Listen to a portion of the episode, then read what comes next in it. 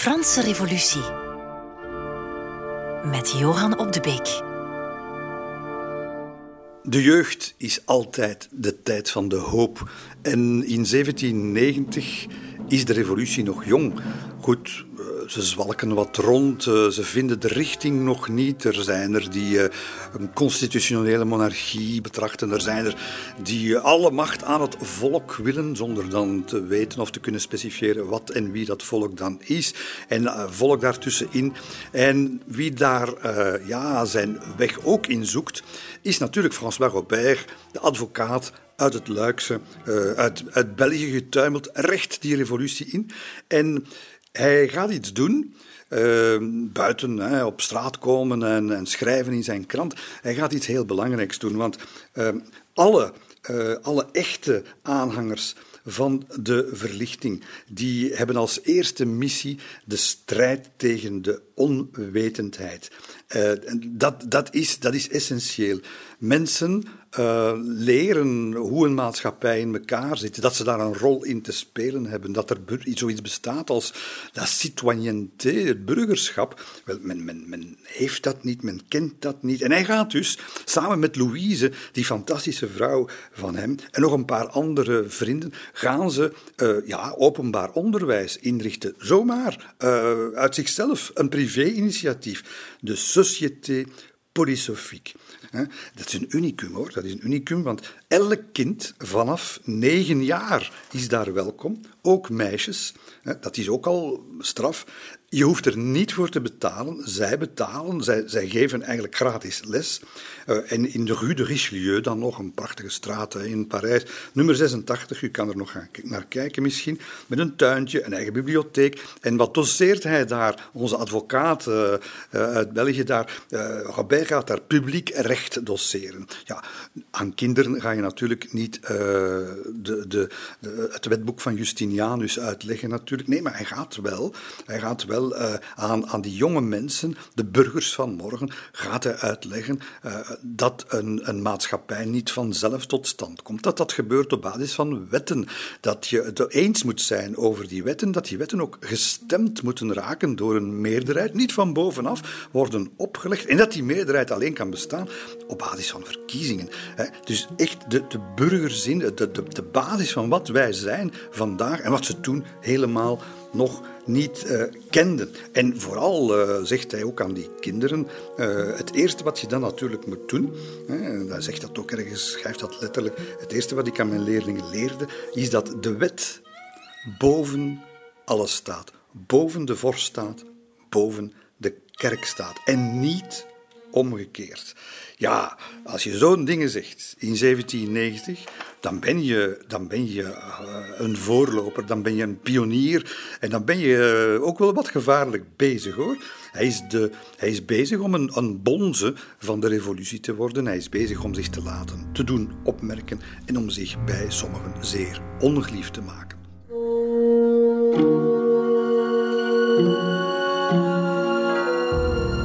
Nu, ik zei al, de kerk is natuurlijk ook een van de instituten, zeker in die tijd, die uh, ja, niet alleen het, uh, het zielenheil nastreeft, maar ook een machtsinstrument is het, een baten van de gevestigde orde. En dat is al lang een van de ja, van de doelwitten van de revolutionairen, van de filosofen van de verlichting.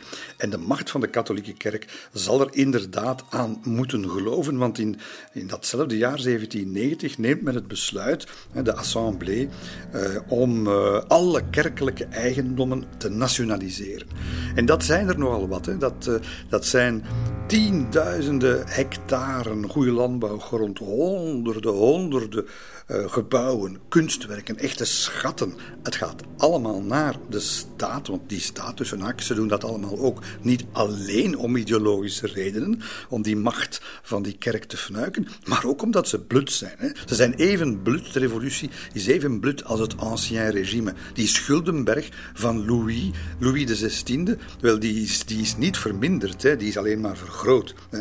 En een van de namen die we daar toch even moeten bijhalen, omdat hij later natuurlijk nog een heel belangrijke rol gaat spelen, is, een, is, is eigenlijk een hoge geestelijke. Het is de bisschop van Autun, ook wel later bekend in de geschiedenis, in de grote geschiedenis, als Talleyrand. Talleyrand, ook een mijterdrager, maar eentje die het herderswerk niet zo al te letterlijk opvat. Die zegt, zeg maar, dat moet gedaan zijn. We moeten, de kerk is er niet om rijk te worden. De kerk is er om mensen te dienen en niet het omgekeerde. God, al die, al die dingen moeten weg. Ja, uh, dat is natuurlijk een, een inbreuk in die machtsstructuur. Maar wat nog, wat nog meer eigenlijk de, de breuk met de katholieke kerk gaat bezegelen, is dat men aan alle geestelijken, en ze zijn met honderdduizenden. Hè. En ze hebben veel macht, zeker op het platteland, uh, maar ook toch wel in de steden. Wel, men gaan aan alle geestelijken een eed vragen. Zweer een eed van getrouwheid aan de natie. Ook aan de koning, maar vooral aan de grondwet. En dus ze moeten voor het altaar van hun eigen kerk een, de hand opsteken, de eed afleggen. En ja, je kan al denken, uh, er zijn wel geteld naast Talleyrand twee bisschoppen die dat gaan doen. Er zijn 50.000 parochiepriesters die dat gewoon vlak af weigeren. Ja, men had dat wel kunnen denken natuurlijk. Maar men gaat dus vanaf dat moment uh, eh, 50.000 die het weigeren, maar ook een heel aantal die het wel doen. En dus je krijgt door de revolutie een splitsing in de Franse katholieke kerk tussen de priesters die eigenlijk die revolutie een warm hart toedragen, de getrouwheid gezweren aan, aan de natie, aan het volk uh, en aan zijn instellingen. En een ander deel dat zegt, nee, nee, we hebben alleen te luisteren naar, naar, naar de pauze, naar onze bisschoppen. En dat worden de, ja, dat worden de refractaires. We gaan die nogal vaak tegenkomen, want dat worden, uh, men stelt ze soms vaak als een soort martelaren die, die worden onderdrukt. En dat was voor een stuk ook zeker en vast het geval. Maar het waren ook tegelijkertijd mensen die heel doelbewust het geloof, hun positie binnen het geloof, hebben gebruikt, je kan ook zeggen misbruikt, om het ancien regime uh, te herstellen. Vergeet niet, er is al zeer veel gebeurd op die twee jaar tijd, maar het is nog maar twee jaar geleden, hè, twee jaar geleden nog maar, dat, uh, dat de maatschappij was zoals al duizend jaar was.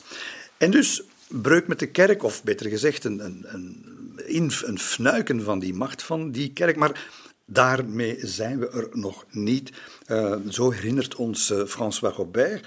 Uh, dat is een grote stap voor de revolutie, dat is waar. Maar hij zegt, en met, hij is niet de enige, hij zegt: eigenlijk moeten we dat toch zien als een belangrijke stap, maar als een te kleine stap om de maatschappij onherroepelijk te veranderen. En aan wat denkt een mens als François Robert dan natuurlijk aan dat koningschap, waar alles aan vasthangt. Hè. Koning die nog altijd veel macht heeft tussen haakjes. Ze, zitten hem, ze hebben hem vastgezet in de Tuilerieën, mag uh, alleen op zaterdag en zondag nog eens naar het paleis van Saint-Cloud uh, met de familie, onder bewaking dan nog wel. Uh, niet om hem te beschermen, ook om hem te beschermen, maar om hem te bewaken. maar hij heeft nog wel macht. Hè. Hij heeft nog altijd vetorecht op de wetten. Als hij geen zin heeft, dan ondertekent hij ze niet. En nu, dat moet weg. Hè. Dat moet weg. En ja, het is toch wel. Ik, ik, ik was daar toch wel een beetje, moet ik zeggen, verbaasd. Misschien ook wel wat trots op. Dat het die François Robert is. uit dat boerendorpje uit de Ardennen van bij ons. Dat dat een man is die in volle revolutie begin 1790 de kat de bel heeft aangebonden. Niet uh, Robespierre, niet Danton, hè? niet zelfs de, de, de grote denker Condorcet. Nee, nee. Het is hij die in de zomer van 1790 echt zijn nek gaat uitsteken en die zegt: Wat voor een revolutie is dat hier eigenlijk? Een revolutie die het volk eigenlijk negeert, de koning op zijn troon laat zitten, die nog altijd de macht heeft. Er moet daar een plan komen. Iemand moet hardop zeggen dat we een republiek nodig hebben. Het grote woord is eruit: republiek. Het is een, een, taboe om dat te zeggen. Het is gevaarlijk om dat te zeggen. En hij gaat ervoor. Hè. Ze zullen hem schoorvoetend en dan nadien heel snel volgen. Maar dit is wel de eerste keer dat een deel van die revolutionair, hij is zelfs nog niet eens verkozen, vergeten we niet. Hij zit niet in de assemblée. Het is een journalist, een advocaat, die uh, privé-initiatieven neemt om kinderen te onderwijzen, maar hij heeft geen politieke macht. En hij verwerft zich die macht eigenlijk door met dat project naar voren te komen. La République en marche.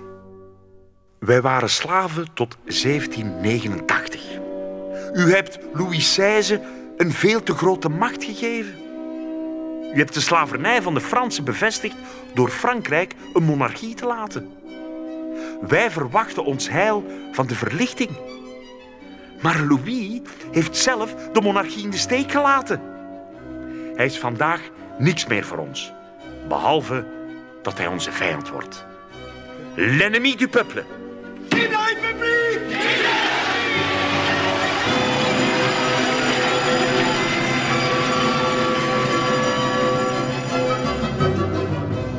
en Marche. Uh, het is niet letterlijk gekopieerd door hedendaagse politici, maar het is eigenlijk een beetje min of meer uh, die man van 230 jaar geleden, Robert die daarmee afkomt. Het is een, een tekst, uh, le, le républicanisme adapté à la France. Een onverbloemd, zeer uitgekiend, planmatig pleidooi voor de omvorming van het belangrijkste land van Europa. Niet vergeten, hè? we zitten hier niet te praten over, uh, over Oostenrijk, uh, Pruisen, hoe groot dat die ook zijn. Nee, nee, dit is wel het, het centrum van het continent om dat te hervormen naar een republiek. En ja, de republikeinen, die vroege republikeinen en Robert in de eerste plaats, beseft natuurlijk dat hem dat hij direct conflict gaat brengen met, uh, niet alleen met de royalisten, die er nog altijd zijn, maar ook met die toch wel grote, uh, de voornaamste gematigde strekking binnen de assemblée. En uh, hij gaat die meteen lik op stuk geven. Hij zegt... Als excuus voert men aan dat het volk er nog niet rijp voor is. Dat het nog moet wennen aan het vrijheidsideaal. Wat zou het? U wil het eerst rijp maken, maar in plaats van het te verlichten, gooit u er een bedrieglijke sluier overheen en stelt u slechts de duisternis van een despotisme onder een andere naam voor.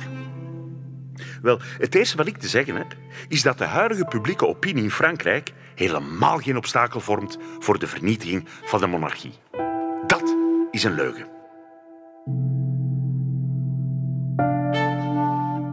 Ja, dat is wat men ook dacht hè, binnen de revolutie zelf. Hè. De strekking van Sieyès, die het trouwens aan het halen is, die zeggen van ja, misschien laten stemmen, maar zeker niet iedereen. De strekking van Lafayette, die zegt van de Nationale Garde, daar mogen niet de gewone mensen in zitten, hè. dat moeten goede burgers zijn.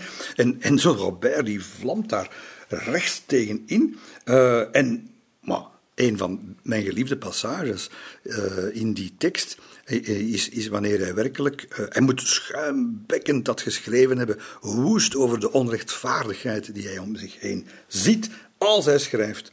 Als over het publiek spreken, dan heb ik het niet over dat onzuiver uitvaagsel van aristocraten.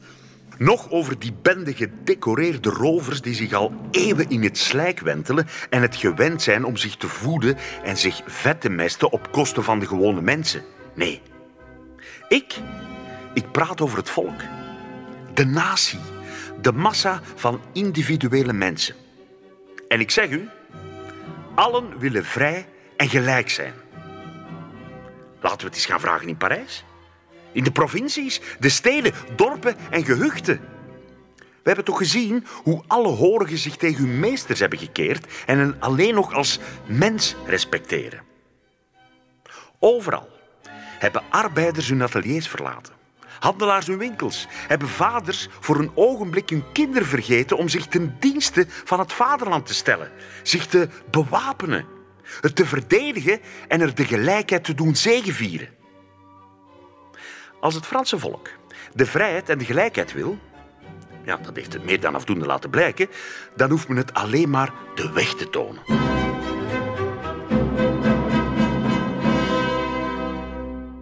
Ja, hier zie je dat uh, François Robert uh, zich niet alleen tevreden stelt met uh, getrouwd zijn met een revolutionaire vrouw, onderwijs geven gratis, maar op de voorgrond treedt, op de politieke voorgrond, het terrein waar men tegen een stootje moet kunnen natuurlijk. Dat stootje zal veel meer dan een stootje worden. Het zal hem, het zal hem in levensgevaar brengen, maar hij houdt zich helemaal niet in. Hè. Gedecoreerde rovers, stel je dat eens voor, in een tijd waarin je ja, toch nog echt wel moet opletten met je, met je, met je woorden. En, en, maar daar blijft het niet bij, want hij gaat ook het koningschap helemaal uitkleden. Het is niet van het zou beter zijn dat we geen koning meer hadden. Nee, nee, hij zegt dat in volle bewustzijn. Hè, heeft hij dat geschreven.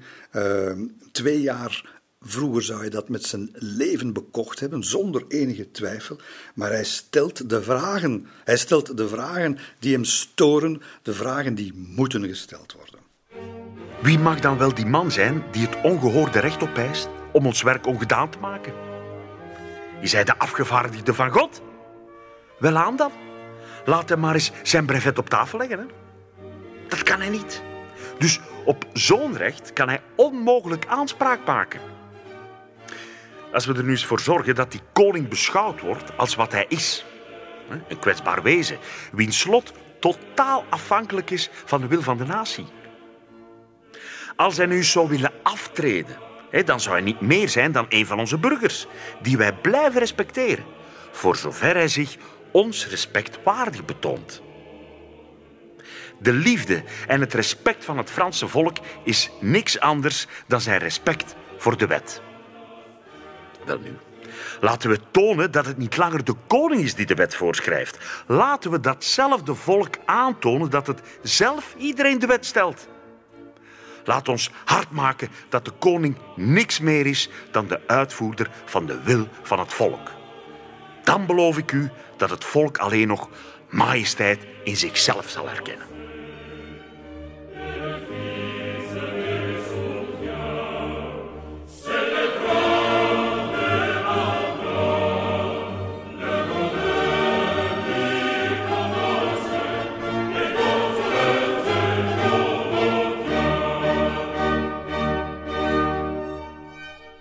Ja, hij heeft natuurlijk gelijk. De koning kan nog altijd uh, elke wet tegenhouden die hem niet zint. En Gobert die schrijft daar schitterende dingen over. Die zegt, het is, ja, het is gelijk een, een man uh, vrij te verklaren, uh, dat hij mag lopen waar hij wil, maar je hebt wel tegelijkertijd zijn armen en zijn benen vastgebonden. Ja, dat, dat is ook zo. Hè. Die assemblée die, die, mag nog, die mag allerlei wilde, vernieuwende wetten uitvaardigen. Maar daar zit daar nog altijd iemand op de troon die zegt: nee, nee, nee, nee, nee. Die dat voorzichtig doet. Hè. Hij beseft wel, de koning, dat hij in een heel precaire positie zit. Hè. Maar, maar hij het, spel is nog niet gespeeld. Er is nog altijd militaire macht die zich tegen de revolutie. Er zijn de buitenlanden die zich tegen de revolutie kunnen keren. Dus ja, zolang die koning daar zit, zegt een Robert, en hij, hij wordt daar. Hij wordt er nauwelijks op dat moment in gevolgd hoor. Uh, maar, maar dan moeten we die koning weg, wegdoen. Hè. Die, moet, die moet eruit. Hè. En al die aristocraten, die geestelijken die dat niet steunen, die moeten er ook uit. Met, met middelen als dat schrijven in de krant, de Mercure Nationaal en andere. En als het niet gaat, met andere middelen. Hè. Bijvoorbeeld een Lafayette. Een Lafayette die ja, heeft de Déclaration des droits de l'homme uh, zelf mogen voorlezen, een jaar geleden, dat is waar. Maar ondertussen voel je aan die man, Dixit Robert, dat hij eigenlijk voortdurend klaar staat om met zijn nationale garde elke ja, in zijn ogen uit was, elke aberratie van die revolutie, desnoods met geweld te smoren. En hij noemt hem daarom Lafayette, nog altijd een held hè, voor velen. Hè. Maar Robert noemt Lafayette een hoveling, een vuile slaaf van de koning. Hè. Uh, als hij dat later herleest, op zijn oude dag zal hij daar toch zelf ook eens mee gelachen hebben. Maar het is, uh, het is wat hij denkt op dat moment. En, en hij slingert eigenlijk in, in, in, en hij gaat dat schrijven en dat gaat overgenomen worden in andere kranten. Hij slingert eigenlijk de assemblée, die revolutionaire assemblée, haar eigen hypocrisie in het gezicht. Denk maar eens goed na, hè? jullie wetgevers. U hebt het lot van de natie in handen. Het volk heeft u de middelen in handen gegeven. De natie gaf u de dijk waarmee u een stroom van bloed kunt tegenhouden. Indien u er geen gebruik van maakt, dreigt Frankrijk spoedig overstroomd te worden. U zult dan de verantwoordelijkheid dragen. tegenover weduwen, wezen, moeders van zoveel ongelukkigen die zullen omkomen bij de opstand. Door zoveel gewenst. Robert zet zich daarmee op de lijn van, of tegen de lijn eigenlijk van de mensen in de, in de vergadering, de algemene vergadering van de Assemblée. Een Brissot, eh, een Mirabeau zeker, eh, die eh, zeggen, ja maar wij zijn er toch hè, om het volk te verdedigen en, te vertegenwoordigen. Laat me niet lachen, hè. zegt, zegt Robert. jij vertegenwoordigt juist jezelf. Hè. wat ik wil, is niet alleen een republiek, beste Brissot, maar ik wil ook een democratie. Een democratie. En we zitten hier natuurlijk bij een moeilijk woord. Wat is democratie? We zijn er vandaag nog altijd niet uit. De Romeinen hadden het uitgevonden, ja, maar het was wel gebaseerd op slavernij. Maar hij gaat wel ehm, dat heel duidelijk stellen. Hè. Uh, geen, geen rond de pot draaien als het over democratie gaat bij François Robert. Hij zet dat glashelder uiteen wat het moet worden. Democratie is de regering van iedereen. Democratie veronderstelt maar één ding: gelijkheid. Als er een regering is waarvoor alle burgers gelijk zijn, waarin men alleen een functie krijgt op basis van verdiensten, waarvoor de wil van het volk ook de wet van de staat is, waarbij het volk het recht heeft om zich te verdedigen tegen de vijand, waarin de soevereiniteit ofwel door mensen wordt uitgeoefend, ofwel door uw vertegenwoordigers, dan pas is deze regering een democratische regering. En als er nog steeds mensen zijn wie dit soort regering zou mishagen, dan zeg ik dat ze de vrijheid niet waardig zijn. Ik zeg dat ze niet langer thuis horen op Franse bodem. Ik zeg dat ze alleen in Constantinopel of Wenen thuis horen. Daar kunnen ze geregeerd worden door een meester of door ja, slinkse middeltjes het absurde recht kopen om anderen te bevelen. Dus betoog ik dat niemand een goede citoyen kan zijn zonder een democraat te zijn. En dat burger, patriot, vriend van vrijheid en democraat synoniemen zijn. Getekend François Robert, democraat. En woest dat hij is. Als hem, als hem gezegd wordt, enfin, uh, u, u, u, ziet, u ziet toch een beetje spoken en, en, en schimmen en, en toekomstbeelden die niet realiseerbaar zijn. Dan zegt hij, weet je wat ik zie? Ik zie een volksvertegenwoordiging tussen grote aanhalingstekens die de koning bevend tegemoet treden. Hem eerbiedig majesteit blijven noemen. Dat is wat ik zie. U beeft zelfs voor zijn vrouw. Hè? Hoe belachelijk is dat? De assemblée betoont respect en hij noemt dat uh, een onrespectvol uh, benamingje zo. Uh, ze hebben zelfs respect voor de marmot van vijf jaar. De dauphin, dus. Omdat, alleen maar omdat het het zoontje is van, van de koning. Enfin, wat voor een wereld is dat? En, dus, en hij zegt, en hij eindigt, hij schrijft dat op papier. Hij zegt dat in de Club des Cordeliers voor honderden cordeliers. Eh, maar hij schrijft het ook, iedereen kan het lezen. Ik waarschuw jullie, ik ga niet achteruit. U weet mij te vinden. Iedereen weet waar ik zit. Ik zit ofwel bij de Jacobijnen, ofwel bij de Cordeliers. Ik zit in het uh, comité Les Amis de la Presse. Daar kan u mij vinden. Ik verwacht jullie. En hij gaat nog verder, want onze Belg hier is niet alleen de eerste die over de republiek praat, maar hij zegt ook, eh, kijk, alle, alle mensen moeten, moeten broeders zijn. Ja, dat zeggen we hier wel in Parijs. Maar de fakkel van de reden, de fakkel van de menselijkheid, van de vrijheid, die moet alle mensen verlichten, beste vrienden. Niet alleen de Fransen. Hè. En dat zal ooit gebeuren, hè. Maar, maar die, die universele vrijheid, dat is de droom die we moeten nastreven. En dat moet dus bijgevolg ook het doel zijn van de Franse revolutie. Dus niet alleen hier bij ons, hier voor de Fransen, die vrijheid, die gelijkheid, hè, tot, tot maatschappelijk uh, deugd, tot principe van, van de maatschappijvorming maken. Maar ook moeten wij, Fransen, want hij heeft ondertussen de Franse nationaliteit verworven, moeten wij, Fransen, uh, dat idee exporteren. We moeten andere volken bevrijden. De despoten mogen we daar niet uh, gerust laten. Het is een huichelarij om dat niet te doen, want, want hij zegt dat natuurlijk omdat. Opnieuw, binnen de belangrijkste strekking, de gematigden, uh, is men helemaal niet van plan om dat nu ook eens allemaal uh, te gaan exporteren. Hè? Want dat betekent ten eerste oorlog, daar is men niet voor. Dat kost veel geld aan dat arme land. En, en ten tweede, we hebben al problemen genoeg met onze eigen revolutie. Dus laat dat maar begaan, hè, elders. En, en, en Robert en zijn strekking zal groot worden. Robert zegt. Uh, dat is nu net wat we niet moeten doen. Wij moeten hulp bieden, hulp aan de onderdrukten. Laten we aan alle naties aankondigen dat de grote alleen groot zijn omdat mensen op hun knieën zitten. Laten we alle volkeren van de aarde vertellen dat we vrij zijn wanneer we dat willen. Laten we trots een oorlog beginnen. Een onsterfelijke haat tegen alle despoten van de wereld. Laten we hun ongelukkige slaven aanmoedigen om op te staan. Laten we de slag die ze ons willen toebrengen voorkomen. Wacht niet tot de afvalligen in ons midden de bron van ons geluk droogleggen. Laten we alle mensen respecteren, maar alle tirannen neerslaan.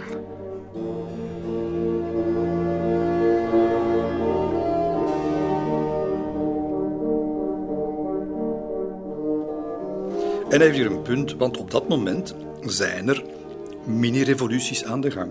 In Avignon, in Luik, zijn eigen Luik, in Brabant, Zwitserland, Holland, Genève. Overal broeit het. En, uh, en hij zegt, uh, we moeten dat steunen.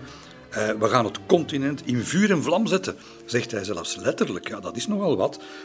maar het, het is wel omdat hij ziet dat zonder de Fransen dat dat natuurlijk allemaal doodgeboren kinderen gaan zijn. En hij wil absoluut, en zeker in zijn eigen thuisland, Luik, waar die ideeën leven, Brabant, waar die ideeën leven, maar niet alleen die, daar wil hij, die wil hij niet in de steek laten.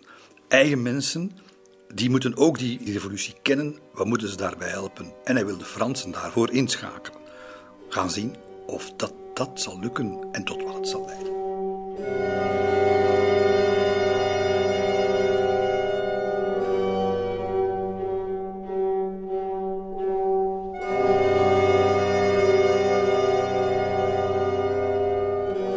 Nu, je moet zich goed voorstellen, uh, die revolutionairen moeten ook wel een beetje gedacht hebben van wat, wat komt hier nu uit kramen, exporteren van onze revolutie, terwijl we hem zelf nog niet in de hand hebben. Want uh, eh, 89 is voorbij, 90 gaat voorbij, het jaar van de hoop. En, en begin 91 zijn we er nog altijd niet uit. Wat, wat voor maatschappij gaat het worden? Welke samenleving willen we nu en hoe gaan we dat organiseren? Het staatsgezag is helemaal verbrokkeld. En we weten dat het het schranderste brein van het ogenblik is. Mirabeau, de grote redenaar, man van adel, die waarschuwt voor het gevaar. Als eenmaal alle oude grenzen zijn gewist, zal het lang duren voordat nieuwe grenzen bekend zijn en gerespecteerd kunnen worden beschrijft daar in één prachtige zin het probleem van ja, tabula rasa maken. En dan? En dan, wat moeten we dan doen? En die geëmigreerde adel, met al hun rijkdom, wat gaan die doen? Eh, gaan die op de pakken, eh, bij de pakken blijven zitten? Die gaan toch terugslaan. En hun achtergebleven families, in al die steden en dorpen en kastelen die nog recht staan, kunnen we die wel vertrouwen? Zitten daar geen spionnen en saboteurs tussen? Staan de buitenlandse legers al niet klaar zonder dat we het beseffen om de koning ter hulp te schieten, de Franse koning? Dat zijn de vragen die leven bij iedereen die begaan is met die revolutie. En natuurlijk, hè, eh, de, twee, de twee extremen spinnen daar garen bij. Bij al die onzekerheid, bij die bij die angsten, bij die, ja, bij die hoop en die dan weer in wanhoop omslaat en zo. De twee extremen. Winnen in zo'n discussie moet je zich ook voorstellen in wat voor sfeer Parijs baat. Hè? Dat is niet we gaan naar ons werk en s'avonds steken we de pantoffels onder tafel. Nee, nee. Dat is een sfeer van klopjachten hè? op verborgen wapens. Hè? Uh, compleet met illegale huiszoekingen, visitaties, uh, nationale garde die het voor het zeggen lijkt te hebben. De dag erna is het weer een, een sectie, dat zijn de, de 48 secties van Parijs, waar de sansculotten gewapend rondlopen. Dat is de sfeer waarin zich dat uh, allemaal afspeelt. En dan heb je natuurlijk nog de echte volksmenners. Een maga, een, een journalist die zijn pen in het bloed doopt, een activist die eigenlijk geen journalist is natuurlijk, zo kennen we er nog. En hij, uh, hij roept op, hij roept op tot, niet alleen tot opstand en geweld, maar hij gaat nog veel verder. De vlucht van de koninklijke familie wordt weer voorbereid. Verspil uw tijd toch niet langer aan het bedenken van uw verdediging. Er is maar één verdediging: de algemene opstand en openbare terechtstellingen. Begin daarom met de koning de dauphin en de hele familie in verzekerde bewaring te nemen. Plaats hen onder verscherpt toezicht, zodat zij hoofdelijk verantwoordelijk kunnen worden gesteld voor eventuele gebeurtenissen.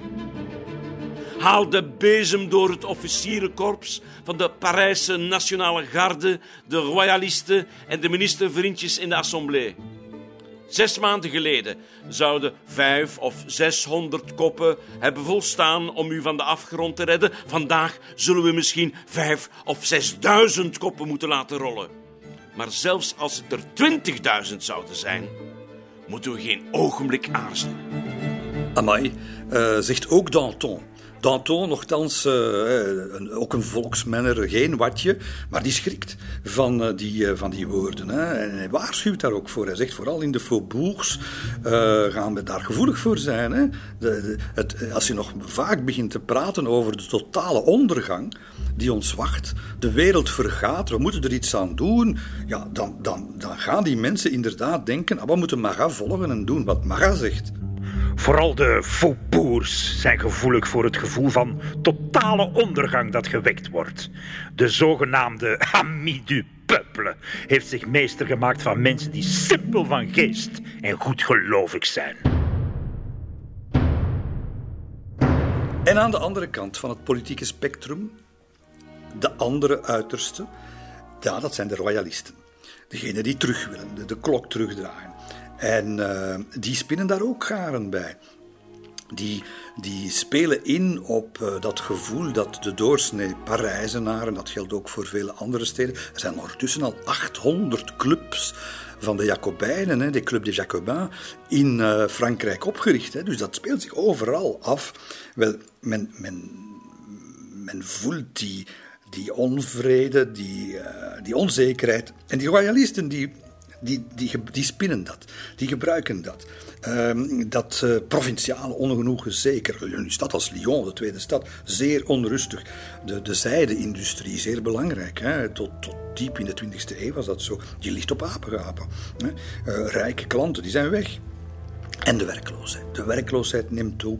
De voedselprijzen nemen toe. En dat maakt dat we ons in een broeinest bevinden waar het regelmatig tot tot rellen uh, komt. Hè. Ook in Lyon bijvoorbeeld, op de beroemde Place Bellecour, muitende burgers, Toulon, Aix-en-Provence. Dat, dat, ja, dat loopt daar helemaal uit de hand. En, en dus, zowel ter, moet je dat nu zeggen, met termen die toen begonnen uh, op geld te maken. Uh, de linkerzijde, de extreme linkerzijde, de rechterzijde, de radicaalste rechterzijde. Wel, die, uh, die volle bak, hè, die gaan daar nu, die gaan daar nu gebruik van maken. En we moeten zeggen, het is natuurlijk ook zo dat de prille revolutie en eigenlijk bij uitzondering van het jaar waarin we ons nu bevinden, 1791, bijna de hele revolutie dat die zich bijzonder weinig hebben bezig gehouden met het oplossen van de problemen, het echte oplossen van de problemen van kleine mensen. Uh, vrijheid, gelijkheid, ja, maar dat is theorie. Wat mensen willen is natuurlijk eerst een boterham op tafel. Hè? Vervolgens misschien onderwijs en dat soort dingen. Maar, maar dat, dat lukt maar niet. En dat komt natuurlijk ook door de samenstelling. Weet nog, die assemblée is eigenlijk samengesteld door hè, de drie standen. De eerste, tweede, derde stand, dat is de elite. De elite die het goed heeft, die er warmpjes bij zit, die eh, in de koude barwinters niet moet vrezen dat ze zonder verwarming zal komen te zitten, die uh, misschien eens een uh, flesje wijn minder zal drinken, maar, maar, maar niet moet bedelen op straat, hè? niet zijn kinderen moet prostitueren om ze levend te houden. Nee, dat, dat, dat is een wereld die ze wel kennen, maar die je niet bezighoudt. En daar, daar gaat ook François Robert op inspelen. Daar komt ook het moment kijken waarop je de, de sociale, misschien ja, de socialistische, het woord bestaat natuurlijk helemaal nog niet, maar, maar wel die component in de revolutie die zegt: we zijn niet gelijk als er ook niks gedaan wordt aan sociale ongelijkheid. En dat bedenkt hij vanuit ook toch wel een geprivilegeerde positie, want ondertussen Louise en hij uh, en de dochter zijn verhuisd uh, uit de wat mindere kant van de Cordelierswijk blijven wel daarbij, maar ze zitten nu vlakbij het Palais du Luxembourg. Dat is een wijk. Hè? Als u dat vandaag bezoekt, dan valt u omver natuurlijk van die mooie gevels. Wel, in een van, achter een van die gevels zaten ze, hè? het uh, echtpaar uh, Robert, in de rue de Condé, nummer 10. Hè? Weet je wie daar geboren is? Marquise de Sade is daar geboren. Blaise Pascal heeft daar gewoond. En wie daar ook uh, geboren is, is Lucille de Moulin, de vrouw van Camille de Moulin. Pierre de Beaumarchais, die is daar aan zijn einde gekomen. Enfin, maar te zeggen dat dat een straat is met geschiedenis. En vergeet dus niet, als u nog eens ooit naar de Palais du Luxembourg loopt, via de Rue de Condé, daar heeft onze man gezeten. En dus in dat, uh, in onze, ja, dat, dat, dat nogal burgerlijke sfeertje. Niet vergeten ja, hoe moeilijk ze het toch hadden hoor. Want veel kritiek is altijd makkelijk achteraf, maar er ligt geen recept in de kasten. Wij weten vandaag wat het betekent om een oppositie te hebben en hoe je daarmee omgaat. Wij hebben een sociaal zekerheidssysteem met veel moeite en strijd en zo verder. Tientallen jaren hebben we erover gedaan om dat op te bouwen. Maar dat, dat bestond niet. Men weet niet hoe het moet. En wie kon het hen kwalijk nemen? Wie kan het hen vandaag kwalijk nemen? Dat ze na duizend jaar feudaliteit, onderhorigheid, afwezigheid van debat en reden, dat ze niet meteen de juiste weg zijn ingeslagen, de Franse revolutionairen. Bestaat die weg trouwens wel?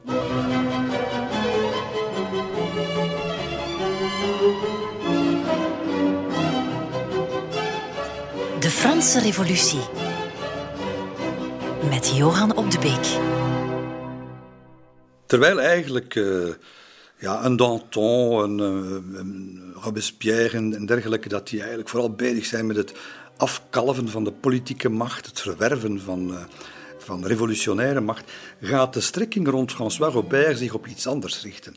En dat is, uh, ja, de, ja, de tijd is er rijp voor hoor, want er zijn overal stakingen. Nieuw fenomeen trouwens. stakingen in Lyon, in Parijs. er is honger en, en Robert gaat daar iets mee doen. Hij, hij, zegt, ja, en dat is natuurlijk een waarheid van alle tijden. We gaan alleen vooruit als de massa mee wil. En die massa, dat zijn natuurlijk de, de werklieden, de arbeiders zouden we ze vandaag noemen, de kleine, de kleine zelfstandigen, er waren echt heel veel in, in een stad als Parijs. En, die wil hij, en hij gaat die proberen te verenigen. En hij gaat een, een, een nieuwe club oprichten, er zijn er wel veel hoor, maar dit wordt het Comité Central. Het Comité Central des Sociétés Patriotiques, een koepel, ja ja, het Centraal Comité, kennen we nog van andere tijden, uitgevonden door onze vriend François Robert. Er gaan dertig clubs allerlei sociétés populaires, zoals men dat noemde, volksverenigingen eigenlijk, ook vrouwenclubs, de revolutionaire vrouwen, les Amis de la Liberté en dergelijke meer. Uh, de, de, de, eigenlijk de hele linkeroever, de hele Cordelierswijk doet mee. Uh, en, en, en dat is heel belangrijk geweest voor, niet alleen voor de revolutie, maar ook voor de totstandkoming van iets essentieels in onze hedendaagse maatschappij. De, de burger die participeert aan ja, aan het debat en aan de totstandkoming van de samenleving. Mensen die nog nooit, nog nooit een politieke vergadering hadden meegemaakt.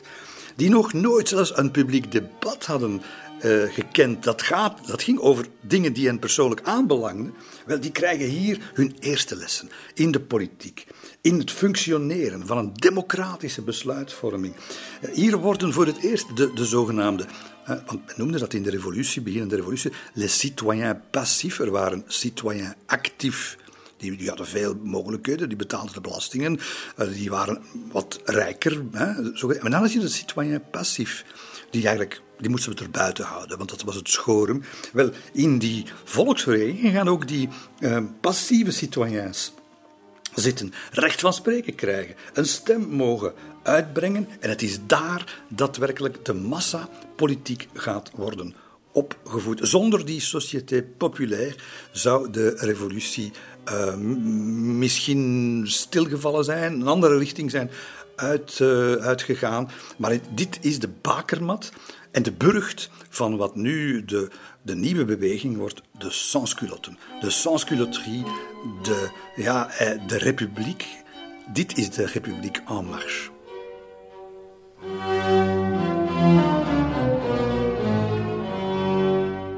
François Robert begint om zich heen uh, grote groepen mensen te verzamelen. Uh, steenkappers, hoedemakers, smeden.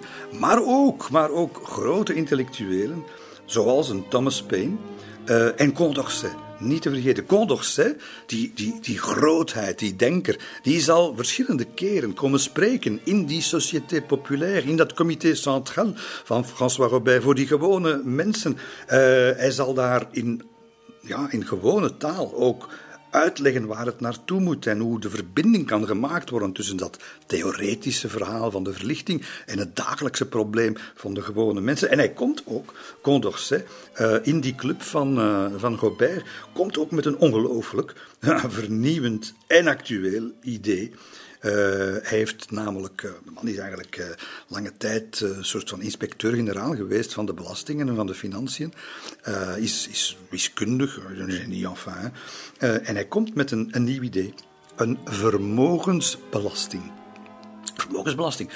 Daar zijn we nog altijd niet uit, hè? of dat dat kan, of dat dat goed is, of dat dat mag en zo verder.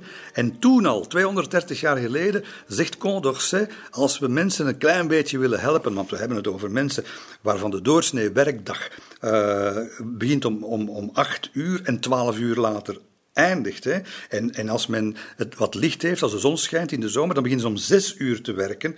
En tussen die lonen en die, en die, en die levenskosten een enorme kloof. Je hebt Vele vrouwen, weet je, vele vrouwen hebben de keuze, s ochtends, urenlang in de rij gaan staan voor de bakkerijen en voor de kruidenierswinkels in de hoop dat er eten te kopen is. Of gaan werken. Het is het een of het ander. Dus het is ofwel eten, maar dan heb je geen geld verdiend die dag om de dag erna je eten te kopen, ofwel het omgekeerde. Dat soort keuzes. En het is in de Mercure National dat François Robert gaat oproepen ja, tot, de, ja, tot de vorming van, dat woord bestond nog niet, maar het idee wordt door hem neergelegd.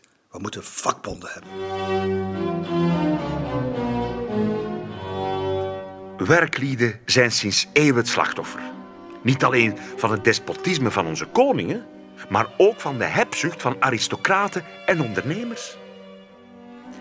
Nadat ze zich de titel van meester hebben toegeëigend, hebben deze tirannen de arbeiders volledig in macht.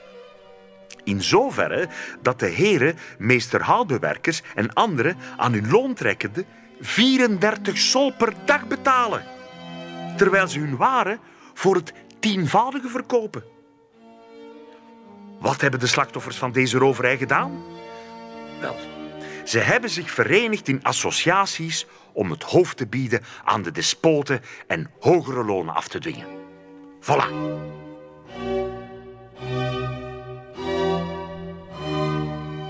En die, uh, die vakverenigingen, die, uh, dat comité centraal, ja, dat, dat moet de motor worden in zijn hoofd uh, om te, te ijveren tegen het zijnskiesrecht, voor een republikeinse staat, voor de verzorgingsstaat. Hè, want daar zijn we nog lang niet aan toe, maar dat, dat zijn ideeën die dan al opborrelen en tegen de uitbuiting natuurlijk. En ja, je ziet natuurlijk dat hij daar een strekking mee begint te vertegenwoordigen, die lang niet degene is die uh, aan Mirabeau en zelfs aan Robespierre niet, uh, niet gunstig gezien zijn. Hè. Dit is eigenlijk een. Uh, ja, de kleine mensen, weet u, de kleine mensen in de revolutie, in elk jaar van de revolutie, zijn altijd, ook door de revolutionairen zelf, beschouwd als een, als een bedreiging van de status quo.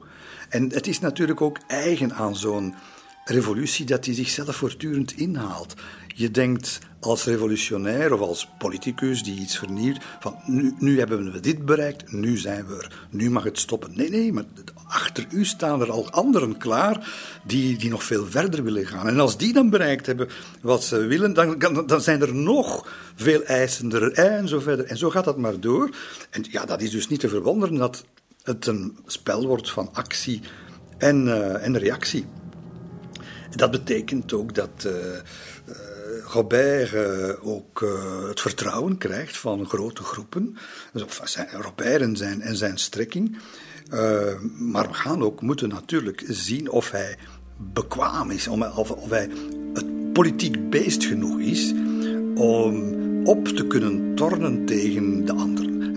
Een Danton, die in de Cordelierswijk absoluut zijn meerdere is. Een Robespierre, die qua, qua politiek vernuft en sluwheid uh, ja, door niemand te kloppen is.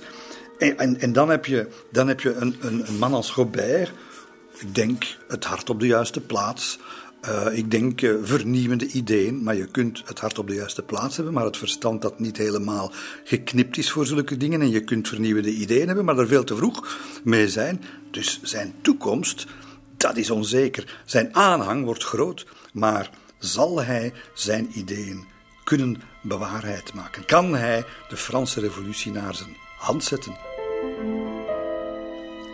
Het is weer die dubbelzinnigheid. Hè. Revolutionairen willen iets veranderen, maar ze zijn tegelijkertijd bang voor, uh, voor complotten, voor de koning. En ze beschouwen ook het volk als een soort van ongrijpbaar monster, hè, vatbaar voor paniek en voor primitieve reacties.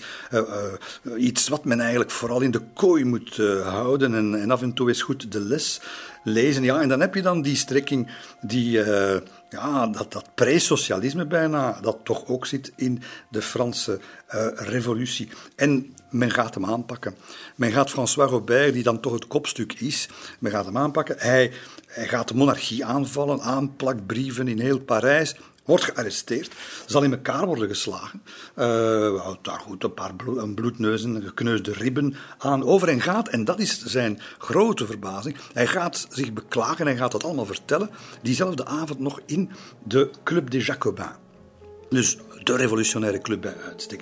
En hij doet zijn verhaal. Hij zegt: Ik ben gearresteerd omdat ik de onderwerping van de monarchie heb geëist. En tot zijn, tot zijn ontzetting, tot zijn geweldige verbazing, wordt hij daar niet met een joelend applaus uh, begroet, maar met boegeroep.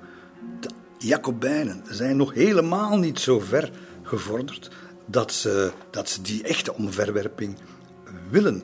En dat is hetgene dat, uh, dat, hem, uh, dat hem compleet van zijn melk haalt. Hij wordt gearresteerd, maar ook zijn blad wordt toegedaan. publicatieverbod onder een revolutionair regime dat de persvrijheid heeft uitgeroepen. En de strijd gaat dus over die democratie. Wat, wat, wat wordt het? Wat gaan we doen? Worden we een democratie of worden we een burgerlijke aristocratie? We zijn op weg naar die constitutionele monarchie, maar dat gaat iets worden waar alleen de bourgeoisie de lakens gaat uitdelen, denkt François Robert. Hij zit een beetje in een doodstraatje met zijn vakverenigingen, met zijn arbeidersverenigingen. De Ami de Patriote, uh, dat is meer de gematigde strekking in, uh, in de revolutie, die schrijft: Het is tijd dat fatsoenlijke mensen van alle partijen zich verenigen tegen de gemeenschappelijke vijand. Ja, je denkt dan, nu gaan ze het hebben over de koning of zo. Nee, nee, schrijven ze. Want het gaat niet louter meer om de vrijheid die in het geding is. Nee, nee, het gaat om eigendommen en ons bestaan zelf. Dat is heel duidelijke taal. Het gaat, de, strijd, de strijd gaat meer en meer over een strijd tussen de bezittenden tegen de niet-bezittenden. En dus die revolutie zoekt en, en, en, en broeit en zo verder. En plotseling gaat als een deus ex machina de zaak in een ongelooflijke stroomversnelling belanden. En wie dat gaat doen, is niemand minder onverwacht. Onverwacht en, en, een stommiteit zoals hij ze nog nooit in zijn leven heeft begaan. Het is de koning die iets heel doms gaat doen. Hij slaat op de vlucht.